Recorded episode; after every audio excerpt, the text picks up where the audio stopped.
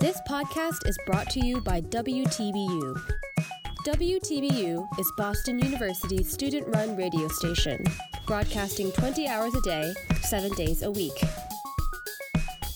If you like what you're listening to, please support our programming by visiting WTBUradio.org. Thank you.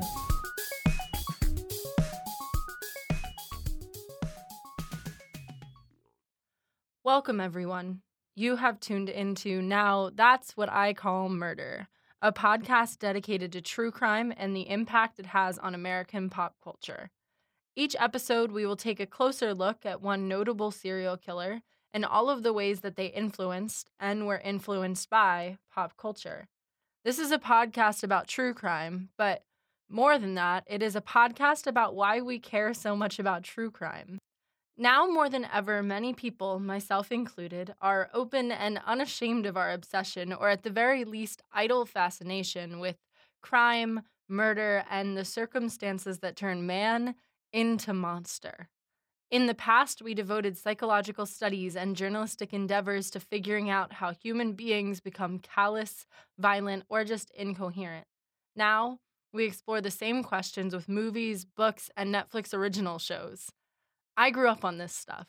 I watched investigation discovery specials from the time I was 9 or 10, and obviously, I have only gotten worse since then. So now I want to know is this new, or are we just more open now about things that used to be discussed only in hushed tones or not at all? Have killers always had this much power to sway our media? These are just some of the questions we will explore this episode and in the series to come. And now that that's out of the way, let's get to it. Roaring so happy down Bethnal Green, this gay youth you might. So, I wanted to start things off with the first prominent American serial killer, and a personal favorite of mine, soon to be portrayed by Leonardo DiCaprio in the movie adaptation of Devil in the White City. This is none other than Dr. H. H. Holmes. If you are a true crime junkie like myself, I'm sure you've heard plenty about Holmes. He is a well decorated member of the Creepy Killer Hall of Fame because while he was only officially convicted of one count of murder, we can be just about certain he had many more victims. If you are new to this gore filled storytelling world, well, strap in because this is one hell of a starting point. Holmes can almost definitely be linked to nine murders, but Depending on who you ask, he is estimated to have carried out anywhere from 20 to 200 others, many of which took place in his murder hotel. I'm not kidding, and it is just as terrifying as it sounds. The Murder Hotel is the basis of Holmes' storyline in Devil in the White City, a popular book and, as I mentioned earlier, soon to be movie, about the Chicago World's Fair of 1893. So, we are going to skip the details of his early life for now and start off our story here. When Holmes arrived in Chicago in 1886, he was 25 years old, married to his third wife.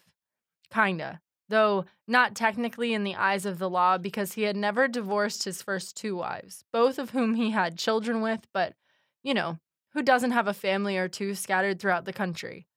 At this point, Holmes had also already been looked at, though briefly, as a suspect in one death and one disappearance, both of the victims being young boys. So he was off to a rocky start in life and determined to con his way into a better future when he met Elizabeth Holton and her husband, who together owned a local drugstore. Holmes began working for the couple and eventually bought their store. Also, the article I read made a very deliberate point of saying that a lot of the books falsely report that he killed the couple when they actually lived in the town happily after Holmes bought their store. So, like, at least he didn't kill the nice store owners. I don't know. I think maybe we shouldn't be looking for any happy takeaway here. So now Holmes is running this drugstore and doing fairly well with it, and he decides he wants to expand. So he buys an empty lot across from the store and begins construction on a two story multi use building. You want to go ahead and place bets on what one of those uses might be? Well, Holmes said it would be used for apartments and retail space, including a new drugstore, which doesn't make much sense to me. I don't see why you need another drugstore within a city block of your first one, but okay. He's not known for legal business skills, I guess. In 1892, he added a third floor to the building, which was to be used as hotel space for the upcoming World's Fair. Throughout all of this, he refused to pay his architects and carpenters. He made a habit of hiring and firing workers in rapid succession, sometimes having people in the house for only a day or two, and then refusing to pay them. This was partly because he was a very cheap con artist. Also, because he didn't want any one person to get a clear picture of the building's layout, which included secret rooms, trapdoors, airtight spaces that locked from the outside, you know, just your run of the mill hotel features. He ran into many problems while building, most of which involved insurance fraud or general conning, but somehow he still got the Hotel of Horrors up and running well in time for the World's Fair. The thing about Holmes is, he was a pretty good con man, probably because he was a charming, handsome, business owning white man, and therefore not the kind of guy who was suspected of much in the late 1800s.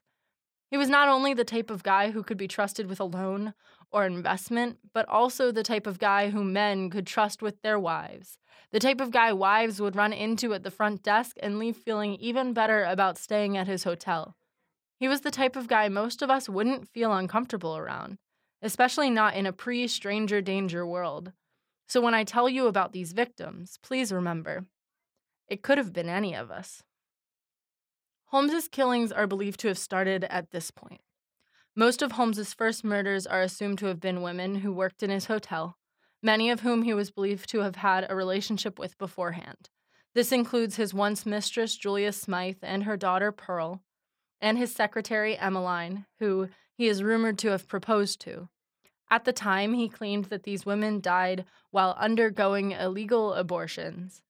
In early 1893, Holmes met a former actress named Minnie, whom he quickly hired to be his personal stenographer. He convinced Minnie to sign over to one of Holmes's many aliases a deed to her property in Fort Worth, Texas. He also convinced her to rent an apartment with him, posing as man and wife. Later, Minnie's sister Nanny came to visit, and both women disappeared. None of the bodies of these six women were ever found, However, there are rumors that Holmes may have sold them as cadavers to a local medical school. When some people in Chicago got really pissed and tried to arrest him, Holmes ended up moving to Minnie's property in Fort Worth. While in Chicago, Holmes had teamed up with a pretty messed up guy named Pitezel, which is completely the perfect evil henchman name, and that just blows my mind. And he is about to become the center of a pretty twisted scheme, so stay with me here.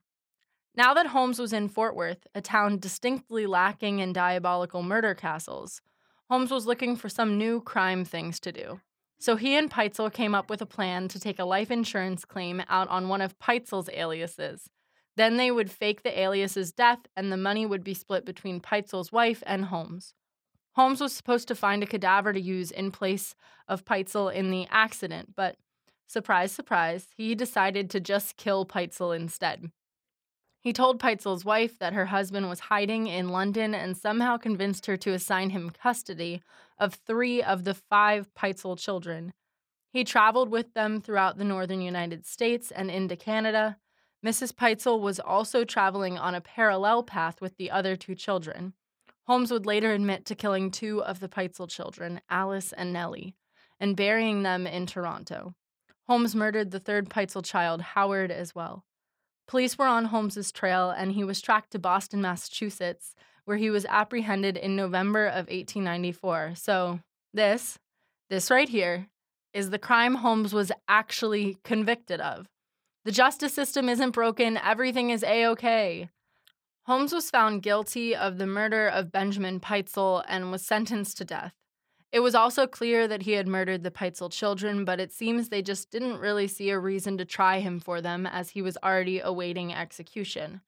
Many sensational claims circled in Chicago surrounding Holmes's hotel, referred to by locals as the castle, but he could not clearly be linked to any crimes in Chicago and was never charged there.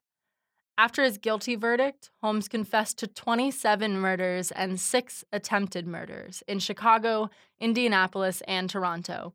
However, these confessions are advised to be taken with a grain of salt, as Holmes was paid by a newspaper for them and multiple quote unquote victims of his confessed crimes were found to actually still be alive. So now that we know what he did, let's dive into the big question Why do we care? Maybe we don't anymore. Holmes isn't the famous name he once was, but back in his time, he rocked the entire country. He was the first well known and fully publicized serial killer our nation had ever seen. In the wake of Jack the Ripper in London, Americans prided themselves on being far better and more civilized people because something like that would never happen to us. So when it did, the nation became obsessed with one big question why? This is where the craze that this entire podcast will be dedicated to began. This is when we started caring about true crime. Granted, this was still a place of unlocked doors and hitchhiking. This was long before we would start looking over our shoulders as we walked down our own streets or carrying pepper spray in our purses. After all, that wouldn't have made much of a difference for Holmes's victims. Some attempted to erase the stain Holmes left on Chicago. His murder castle was set on fire by arsonists, according to the New York Times. It was left gutted. But the American people saw what Holmes did. It haunted them all long after he was hanged for the murder of Benjamin Pitezel. His name popped up in the news frequently at first, and eventually just every now and again. People searched for leads, a way to tie clearly him to any of the murders he likely committed. The closest person to the crimes who was left alive was the hotel's caretaker, Pat Quinlan, and he spoke very little of his time at the castle. His family later said that what happened there during the Chicago World's Fair haunted him for years. In 1914, Quinlan killed himself by poisoning. He left a note which said simply, I couldn't sleep. So now, we may never know all that really happened inside Holmes's hotel. But that hasn't stopped any of us from wondering. As to why Holmes did it, this one fascinates many to this day, and we will likely never know the answer. Holmes is seen by many as a true psychopath and narcissist. He was remorseless in his actions and used others as a means to an end. He was charming throughout all of his lies and deception. During his time, he was labeled as a moniker of evil, without rhyme or reason. In hindsight, he is a great case to re examine with the information we now have about this type of psyche. Holmes was also raised by his father, a strict disciplinarian and alcoholic, and his mother, who used religion as a rigid guide for her parenting. He was reportedly physically and mentally abused throughout his young life. Holmes found refuge in the forest where he began dissecting animals and developing a fascination with dead things. So many began to wonder if his upbringing could have been to blame for his crimes. Perhaps Holmes was so traumatized as a child that he lost the ability to empathize or care for others. Perhaps these abilities never developed in him at all. This made some rethink the way a child should be raised. Holmes served as a warning of the outcome that some old fashioned parenting could produce. The Holmes case left Americans with many new questions and few answers. It spurred a fascination that faded into the background but never truly died. We will likely never know the details of all of Holmes's murders. We probably won't even be able to assign a clear count. And the why? If there is one, it seems it isn't for us to understand. Perhaps none of this is for us to understand. Perhaps the mind needed to understand any of it is the mind of a killer. The information discussed in this episode can be found at biography.com crimemuseum.org, and Concordia University St. Paul's website online.csp.edu. Songs used include Two Lovely Black Eyes, performed by Charles Coburn, and After the Ball, performed by George J. Gaskin. This episode was written, narrated, and edited by Kaylin Tyndall. That's me. Please join me again for the next episode of Now That's What I Call Murder.